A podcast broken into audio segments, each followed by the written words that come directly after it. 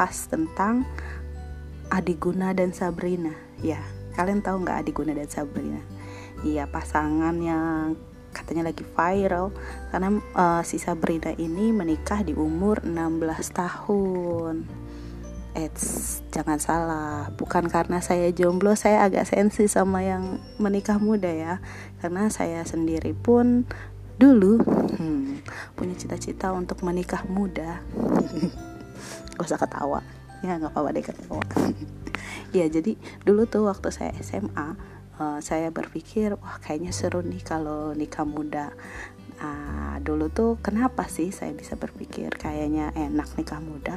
Karena saya pikir saya tuh dari SMA, oke okay, nggak dari SMA ya dari SD, suka denger bapak tuh kalau bilang kalau lagi sekolah nggak boleh pacaran, kecuali nanti kalau udah mau wisuda boleh nyari pacar biar kalau wisuda ada yang digandeng gitu kata bapak. Nah tapi pas saya masuk eh itu omongan bapak waktu SD. Nah di situ saya sempat punya teman dekat yang kita janji, oh kita sampai SMP nggak boleh punya pacar ya. Terus saya sama teman dekat saya uh, bikin perjanjian kayak gitu. Oke dia bilang. Tapi pas SMP teman saya ini malah punya pacar. Pacarnya siapa? Tetangga saya dan saya yang ngenalin. Tapi nggak apa-apa lah dia mengkhianati janjinya. SMP saya juga udah ada sih yang saya suka, tapi cuma suka-suka aja nggak sampai punya relationship gitu nah uh, pas SMA saya tergabung di Rohis nah di situ saya mulai banyak baca banyak tahu dan yang akhirnya saya punya keputusan gitu kalau pacaran itu gak boleh pacaran itu dilarang sama agama. Kalau berduaan itu dosa. Tapi yang namanya jiwa remaja pasti adalah rasa ingin punya someone spesial gitu. Ngelihat yang lain uh uh kan kepengen ya enggak saya walaupun saya anak rohis waktu itu tapi gengan saya tuh berenam teman saya lima lima lima ya berarti sama saya enam. Uh, itu tuh nggak ada yang anak rohis semuanya mereka punya pacar. Yang mereka bilang menurut lo nggak kenapa lo bisa bertahan jomblo? Karena emang lo nggak pernah punya pacar. Karena kalau udah punya pacar tuh nggak enak kalau nggak punya pacar. Eh saya sih nggak ngerti ya rasanya punya pacar gimana.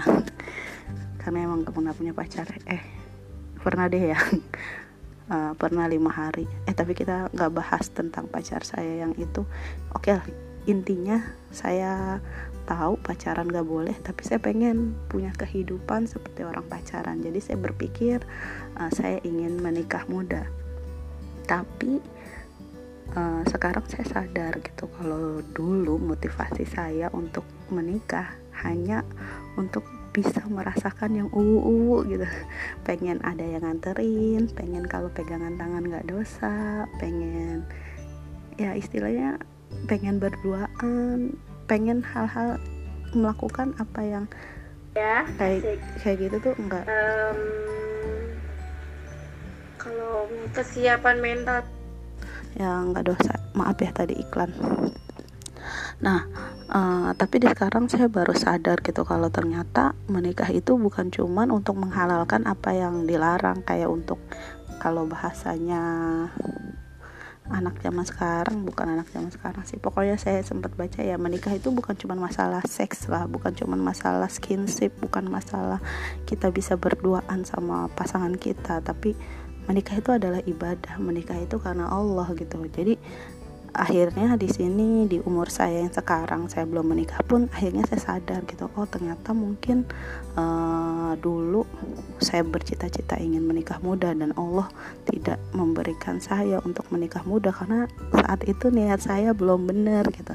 Karena kan uh, apa yang kita lakukan tergantung niatnya. Mungkin kalau saya bisa menikah di waktu muda ya saya bisa berduaan saya bisa gandengan tangan bisa disayang-sayang tapi cuman itu yang saya dapat. Pahalanya mana keberkahannya mana gitu. Ya pokoknya uh, di usia saya sekarang saya malah banyak bersyukur gitu. Oh mungkin uh, saya itu belum diberikan kesempatan untuk memiliki keluarga berkeluarga karena memang saya harus banyak memperbaiki memperbaiki niat saya gitu ya. Ini kok jadi seperti saya curhat. Oke balik lagi ke Sabrina dan Adiguna uh, uh, Sabrina ini umur 16 tahun. Yang akhirnya banyak uh, murid-murid saya menyaksikan dan saya juga sih. Di umur 16 tahun dia itu udah punya belum kesiapan untuk membangun rumah tangga. Karena kalau 16 tahun itu baru lulus SMP loh. Coba bayangkan di umur baru lulus SMP kira-kira kalian punya bekal apa untuk uh, membangun sebuah keluarga. Nah, di sini uh, beberapa murid saya memberikan pendapat apa sih kira-kira yang dibutuhkan seseorang untuk membangun sebuah keluarga. Oke, kita dengarkan ya. Satu lagi jadi uh, finansial juga harus jadi siapkan dengan matang gitu. Oke, jadi menurut saya hal-hal yang perlu dipersiapkan untuk menjalani pernikahan yaitu yang pertama mental. E, mental dibutuhkan biar kita kuat hati buat ngejalanin suatu apa ya suatu rumah tangga. Terus yang kedua itu niat buat menjalani pernikahan bukan cuma niat pengen yang kayak tadi dibilang niat pengen pacaran bebas lah. Tapi kan pernikahan itu sebuah ibadah jadi kita harus niatin suatu pernikahan itu buat ibadah dan sebagainya. Apa sih yang positif? Yang ketiga yaitu rencana. Rencana itu benar-benar dibutuhkan saat kita akan melaksanakan suatu pernikahan. Kayak rencana nanti mau tinggal di mana rencana gimana resepsinya terus rencana finansial dan sebagainya. Yang terakhir menurut saya itu kesiapan keadaan tubuh gitu apakah kita sehat terus apa ya saya bingung. Ya pokoknya itu deh semuanya. Assalamualaikum warahmatullahi wabarakatuh. Nama saya Alvina Paramesti dari kelas 11 Multimedia 1 Saya ingin berpendapat mengenai nikah persiapan nikah itu bukan cuma finansial, tetapi dari mental dari pasangan yang ingin menikah. Karena bagi saya itu nikah bukan sekedar untuk halal, untuk mempunyai keturunan, tapi itu nikah itu harus mempunyai kesiapan kesiapan psikologi, Bu. Psikologi dan mental dari pasangan. Sebab kalau misalnya nggak ada persiapan psikologi dan mental bu itu jang, jangka panjangnya itu bisa berdampak ke dua belah pihak bu lalu Oke, itu uh, beberapa pendapat dari murid-murid saya tentang apa sih yang dibutuhkan untuk uh, melakukan sebuah pernikahan bagi seorang individu. Jadi kalau saya ambil kesimpulan ada tiga yang perlu dipersiapkan. Yang pertama tentu fisik ya apalagi buat perempuan yang ketika dia melakukan hubungan seksual ya besar kemungkinannya dia akan uh, hamil memiliki anak. Nah uh, banyak data gitu tapi saya belum buka datanya. Kalau memang pernikahan eh kehamilan dini itu sangat berisiko untuk uh, wanita. Kalau tidak salah 20% ya angka kehamilan di bawah umur dan sebagian besar uh, kehamilannya itu berisiko untuk si ibu atau untuk si anak gitu. Nah uh, bisa jadi menyebabkan kematian buat si ibu. Makanya kesiapan fisik ini juga faktor penting. Karena memang 16 tahun itu mungkin sudah beberapa orang memiliki fisik yang matang. Kayak Sabrina sih dia bilang dia sudah konsultasi ke dokter yang mengatakan bahwa tubuhnya dia siap untuk hamil di usia di usia uh, eh, 16 tahun. Tapi banyak juga yang uh, remaja-remaja kita di umur 16 tahun itu belum memiliki uh, fisik yang siap untuk uh, melakukan kehamilan melakukan kehamilan untuk mengalami kehamilan itu fisik. Uh, yang kedua adalah mental. Nah ini mental nih sebenarnya mental juga pengaruh ya ke fisik. Mungkin buat remaja-remaja uh, gitu ketika dia hamil mentalnya dia agak bermasalah bukan agak bermasalah. Mentalnya dia nggak siap bisa sangat berpengaruh kepada kehamilannya dia bisa jadi baby blues atau bisa jadi stres ya banyak hal gitu sangat berpengaruh antara kondisi psikologis dengan kondisi fisik gitu. Terlebih uh, di umur 16 tahun ketika remaja yang istilahnya 16 tahun ini masanya masanya remaja untuk mengeksplorasi siapa dirinya dia apa sih yang dia mau apa sih yang belum dia capai. Nah ketika dia harus menikah berarti kan dia harus sudah memiliki sepaket tanggung jawab yang dia nggak bisa lagi eksplorasi seperti dia masih uh, single gitu. Nah itu perlu banget dia pelajari apa sih yang perlu dia persiapkan untuk uh, menghadapi sebuah kehidupan uh, berumah tangga.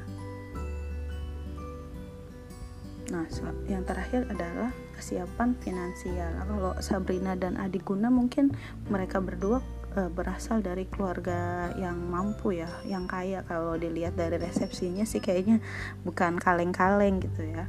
Uh, tapi yang sangat disayangkan gitu dia uh, mengkampanyekan untuk menikah muda kan nggak semua orang memiliki kondisi uh, keuangan seperti mereka berdua.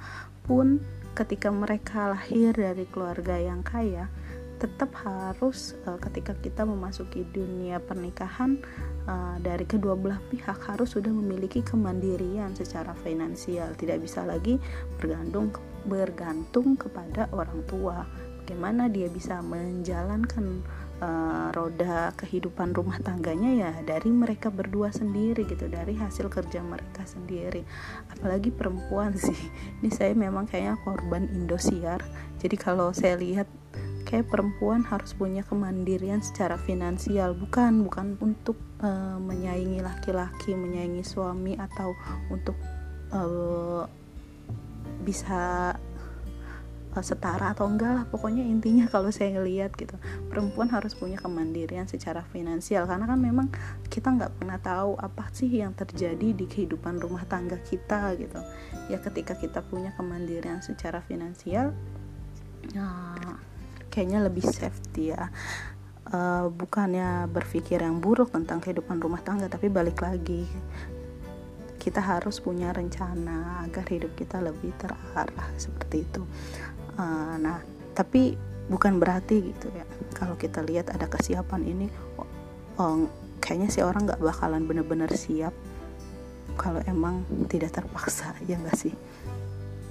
Ya tapi un untuk 16 tahun itu uh, dari ketiga unsur ini kayaknya uh, belum bisa terpenuhi secara maksimal. Apalagi buat laki-laki gitu di umur 16 tahun dia sudah punya penghasilan apa dia sudah bisa bekerja di bidang apa gitu. Karena dari pernikahan itu kan akan lahir seorang anak. Nah ini juga bekal untuk mengasuh anak. Jadi kenapa banyak anak-anak yang stunting? Karena orang tuanya tidak memahami bagaimana kebutuhan nutrisi anak. Jadi kalau dilihat ada banyak gitu anak-anak yang dibilang pola pengasuhannya salah ya bisa jadi gitu. Jadi sebenarnya sih bukan ad, bukan hanya ada anak durhaka tapi bisa jadi ada orang tua yang durhaka sama anaknya karena memang tidak memberikan hak-hak anak tidak memberikan uh, kewajibannya gitu untuk mengasuh anak secara uh, yang terbaik secara nutrisinya secara uh, kehadiran bukan kehadiran cuma sebatas fisiknya ada tapi peran dia yang membimbing mengajarkan seperti itu. Jangan sampai ketika uh, di usia belia sudah menikah ketika memiliki anak orang tuanya ini masih sibuk untuk menuntaskan apa-apa yang mereka bisa belum mereka belum capai gitu. Kayak misalnya orang tuanya yang laki-lakinya masih senang main game kayak masih belum puas gitu main game main game terus anaknya diabaikan atau mamahnya masih suka nongkrong nongkrong sama temennya gitu sampai anaknya diabaikan. Nah ini kan juga PR gitu karena ketika kalian sudah memiliki anak itulah ada amanah yang harus dijaga secara benar dan itu akan ada pertanggungjawabannya gitu. Ya kalau ngomongin masalah nikah emang panjang ya apalagi saya yang belum menikah gitu jangan sampai dipikir ah Bu Nurul nih gara-gara belum nikah aja jadi nggak setuju buat nikah muda. Enggak. Saya tetap mendukung menikah bukan menikah muda saya mendukung um, menikah dengan kesiapan gitu. Ya, dan saya mendukung tanpa pacaran. Toh tanpa pacaran banyak kok orang yang akhirnya menemukan pasangannya gitu. Tapi bukan berarti ketika kita berkampanye tanpa pacaran otomatis kita mengkampanyekan nikah muda. Tetap kalau nikah itu perlu banyak persiapan apalagi buat laki-laki yang akan menjadi kepala rumah tangga yang akan menjalankan kalau yang menjalankan perahu apa namanya? Tahu saya. Ya seperti itulah. Uh, jadi cukup sekian pembahasan kita malam ini. Mungkin masih berantakan banget. Ya nggak apa-apa lah. Yang penting ada yang di launching dulu ini ya perdana. Semoga next podcastnya bisa lebih teratur bisa lebih terarah. Oke okay, karena hidup ini seperti koin. Jadi wassalamualaikum warahmatullahi wabarakatuh